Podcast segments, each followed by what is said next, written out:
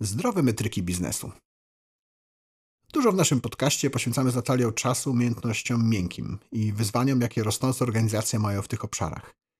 Jednak w szybko rosnących firmach nie tylko to jest ważne. Bardzo istotne jest również sprawne zauważanie tego, które obszary wymagają optymalizacji, choć mogły nie wymagać jej pół roku wcześniej, oraz pilnowanie tzw. Tak zdrowych metryk. Chodzi w skrócie o to, aby w pogoni za wzrostem nie zepsuć kluczowych parametrów naszego biznesu. O tym będzie dzisiejszy odcinek. Zapraszam. Rozmowy saunowe. Witam w podcaście Sauna Grow. Nazywam się Bolek Drapella. Jestem przedsiębiorcą, menedżerem, inwestorem, a prywatnie mężem, ojcem gromadki dzieci. W życiu zawodowym pomagam firmom rosnąć mądrze, rozwijać się międzynarodowo i korzystać z dobrodziejstw technologii przy jednoczesnym zachowaniu ludzkiej twarzy w biznesie. Za dużo czasu poświęcamy pracy i sprawom zawodowym, aby nie przynosiło nam to frajdy w życiu codziennym. Podcast całą nagrodą jest o tym, jak łączyć przyjemne z pożytecznym, jak dzielić się z innymi wiedzą i jak umieć odpocząć od tego wszystkiego. Zapraszam do sauny. Porozmawiajmy o biznesie i nie tylko.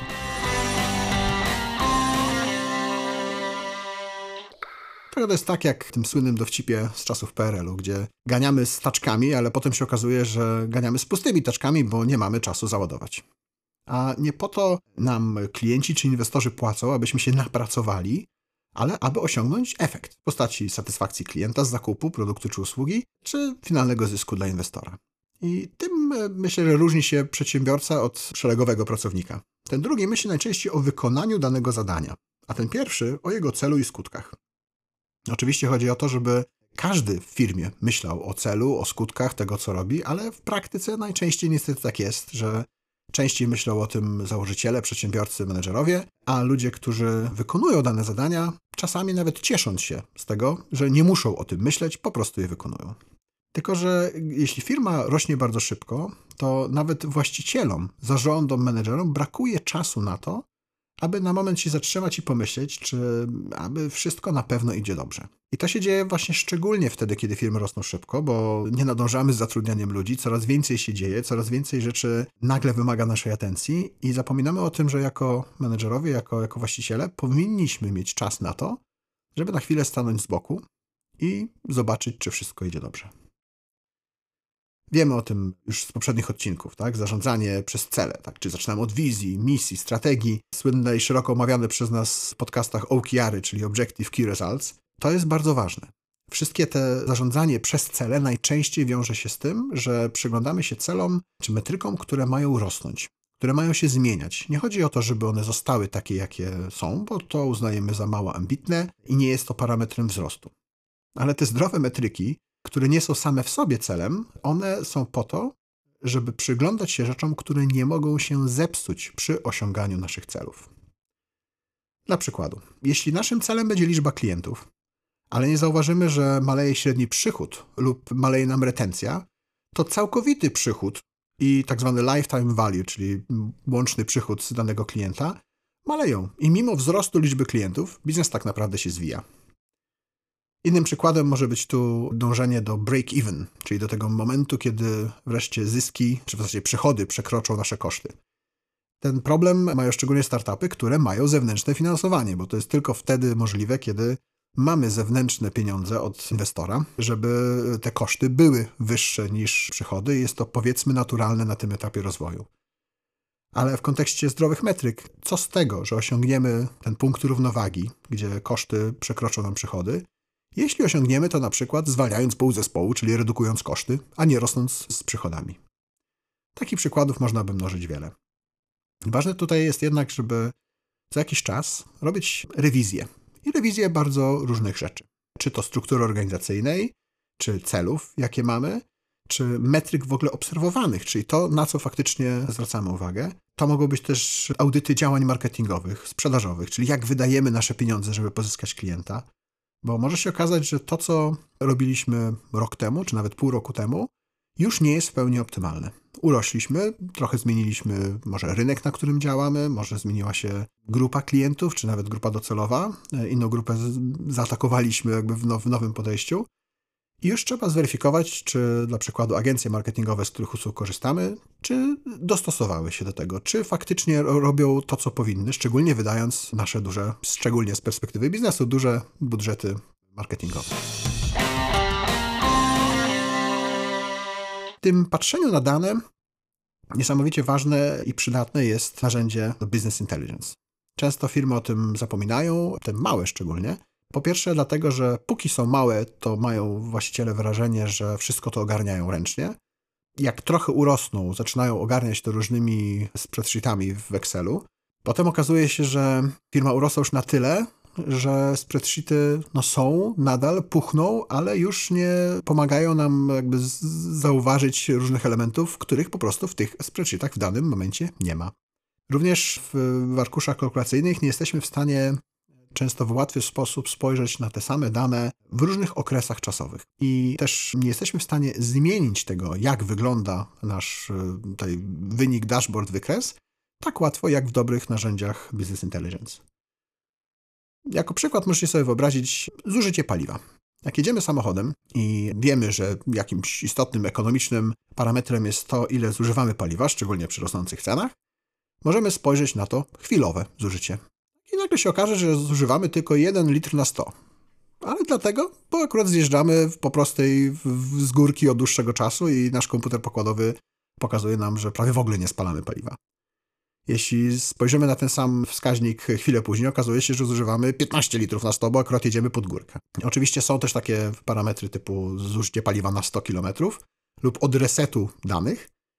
Tylko, że jeśli to patrzymy na to od resetu danych, a nie resetowaliśmy od kilku miesięcy, to nie zauważymy odpowiednio szybko tego faktu, że na przykład jedziemy nieekonomicznie i przez to palimy tego paliwa znacznie więcej, albo coś jest nie tak z silnikiem i powinniśmy się temu przyjrzeć. I znowu w tym właśnie pomaga nam narzędzie typu Business Intelligence, które daje nam i nie tylko nam jako założycielom, ale odpowiednio skonfigurowane i po odpowiednim przeszkoleniu, daje też możliwości innym menedżerom, innym osobom w organizacji przyglądania się różnym metrykom czyli takim, które niekoniecznie są w tych naszych słynnych OKR-ach, które chcemy, żeby ciągle rosły lub malały, jeśli to są jakieś negatywne parametry, ale takie, które pozwalają nam zadawać różne pytania. A dlaczego to tak wygląda? A dlaczego to się zmieniło w czasie? A jak to wyglądało tydzień temu? Czy trend na, dla, dla tej liczby akurat jest dobry? Czy y, może coś jest nie tak? Kolejny przykład NPS, czyli Net Promoter Score. Dopóki nie mamy punktu odniesienia, jak nasi klienci są zadowoleni z naszego produktu, to ciężko jest powiedzieć, czy jest dobrze, czy jest źle. A NPS jest takim parametrem, który najlepiej punkt odniesienia pokazuje w stosunku do nas samych w czasie. Bo jak pewnie wiecie, NPS może przybrać wartość od minus 100 do plus 100 punktów, ale jeśli mamy 55, to dobrze czy źle?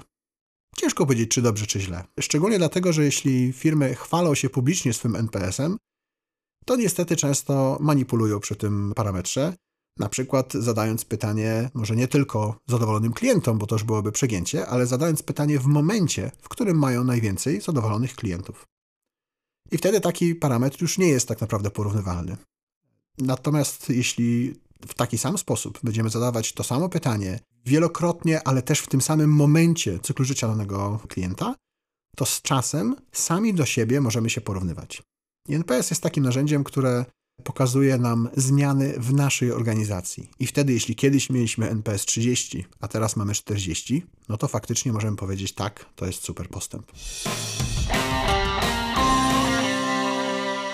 Innym aspektem, który warto pod kątem zdrowych metryk tutaj zauważyć, jest szukanie różnych porównań, benchmarków, ale nie tylko takich rynkowych w raportach, ale również pytanie przez rozmowę z klientami, z partnerami, z inwestorami i szukanie w innych organizacjach, również konkurencyjnych organizacjach. Ja jestem od zawsze zwolennikiem trzymania bardzo dobrych i bliskich relacji z konkurencją. Dlaczego tak? Powiedzmy, że na danym rynku jest 10 graczy. I każdy jest konkurencyjny, każdy chce wygrać, każdy chce być najlepszy. Ale każdy z nich dochodzi do swojego jakby sukcesu, tego miejsca, gdzie jest, trochę inną drogą. Co oznacza, że popełnia różne błędy, ale coraz częściej gdzieś tam się okazuje, że tych samych rzeczy próbują różni konkurenci i ktoś już zobaczył, że to nie działa, ktoś inny jeszcze nie. Jeśli mamy tych 10 graczy i dwóch z nich porozmawia ze sobą, wymieni się swoimi spostrzeżeniami w miarę symetrycznie, że każdy skorzysta na doświadczeniach innego, to wtedy tych dwóch ma znacznie większe szanse niż pozostałych ośmiu, którzy ze sobą nie rozmawiają. Dlatego warto jest trzymać relacje bliskie ze swoją konkurencją, oczywiście pamiętając o symetryczności.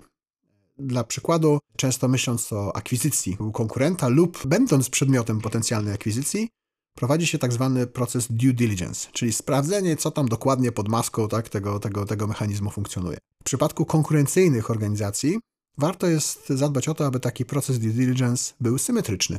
Czyli jeśli ja zadaję pytanie jakiejś organizacji, jak to u Was wygląda, to zadając to pytanie, jednocześnie muszę być gotowy na to, żeby odpowiedzieć, jak u mnie dokładnie to samo wygląda.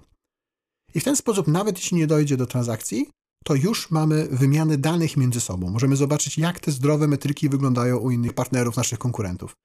Na co oni patrzą? Jak w ogóle też ta sama metryka w tej samej branży, wśród tych samych klientów wygląda u kogoś innego? To są bardzo cenne informacje, które pozwalają nam, jako, jako właścicielom, jako menedżerom firmy, rozwinąć ją znacznie dalej. Tylko znowu, na to trzeba mieć czas. Na to trzeba znaleźć czas w naszej codziennej pogoni za rozwojem firmy. I żeby znaleźć ten czas, to warto też angażować pracowników w naszej organizacji do tego, żeby również o tym myśleli. Nie tylko dlatego, że mają więcej czasu, pewnie nie, ale mają inne spojrzenie mają szansę zauważyć inne rzeczy i też no, nie bez powodu mówi się, że co dwie głowy to nie jedna. Jak więcej osób myśli o tym samym temacie, jak wie, że warto szukać tego, na jakie parametry warto w organizacji patrzeć, jak mają narzędzie Business Intelligence, które pozwoli im weryfikować pewne tezy, zauważyć błędy i od razu sprawdzać, czy, czy, czy można zrobić coś inaczej, czy można dociec, dlaczego to wygląda tak, a nie inaczej, to wtedy przybliżamy pracowników do założycieli, o czym mówiłem na początku, że ci założyciele, przedsiębiorcy patrzą właśnie z perspektywy celu, a pracownicy z perspektywy zadania. Jeśli pracownik wie, dlaczego zadanie wykonuje, na jaki parametr realizacji tego zadania wpłynąć, to wtedy jesteśmy o wiele kroków dalej w mądrym rozwoju organizacji. Pamiętajcie o tym i zastanówcie się, jak u Was wygląda patrzenie na zdrowe metryki, czy tylko lecicie w pogoni za wzrostem. Dzięki. Podobał Ci się ten odcinek? Bardzo prosimy, oceń nasz podcast w Twojej ulubionej platformie streamingowej. Jeśli możesz, podziel się linkiem z tego odcinka w social mediach, np. na LinkedInie czy Facebooku. Dzięki temu możemy sprawnie działać i nagrywać kolejne podcasty. Z góry serdecznie dziękujemy za tak okazane wsparcie.